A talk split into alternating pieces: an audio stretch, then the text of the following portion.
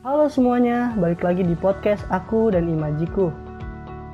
Semoga kalian gak bosan ya dengar suaraku. Terlalu takut.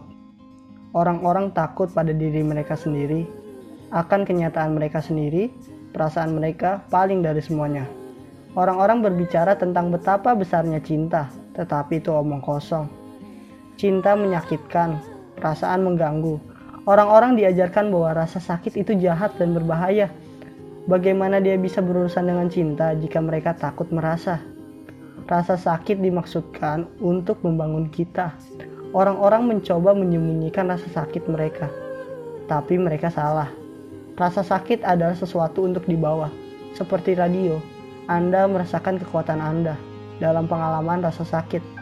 Semuanya sesuai dengan caramu membawanya. Itu penting. Sakit adalah perasaan, Perasaanmu adalah bagian dari dirimu, kenyataanmu sendiri. Jika Anda merasa malu pada mereka dan menyembunyikannya, Anda membiarkan masyarakat menghancurkan kenyataan Anda. Anda harus berdiri untuk hak Anda, untuk merasakan sakit Anda.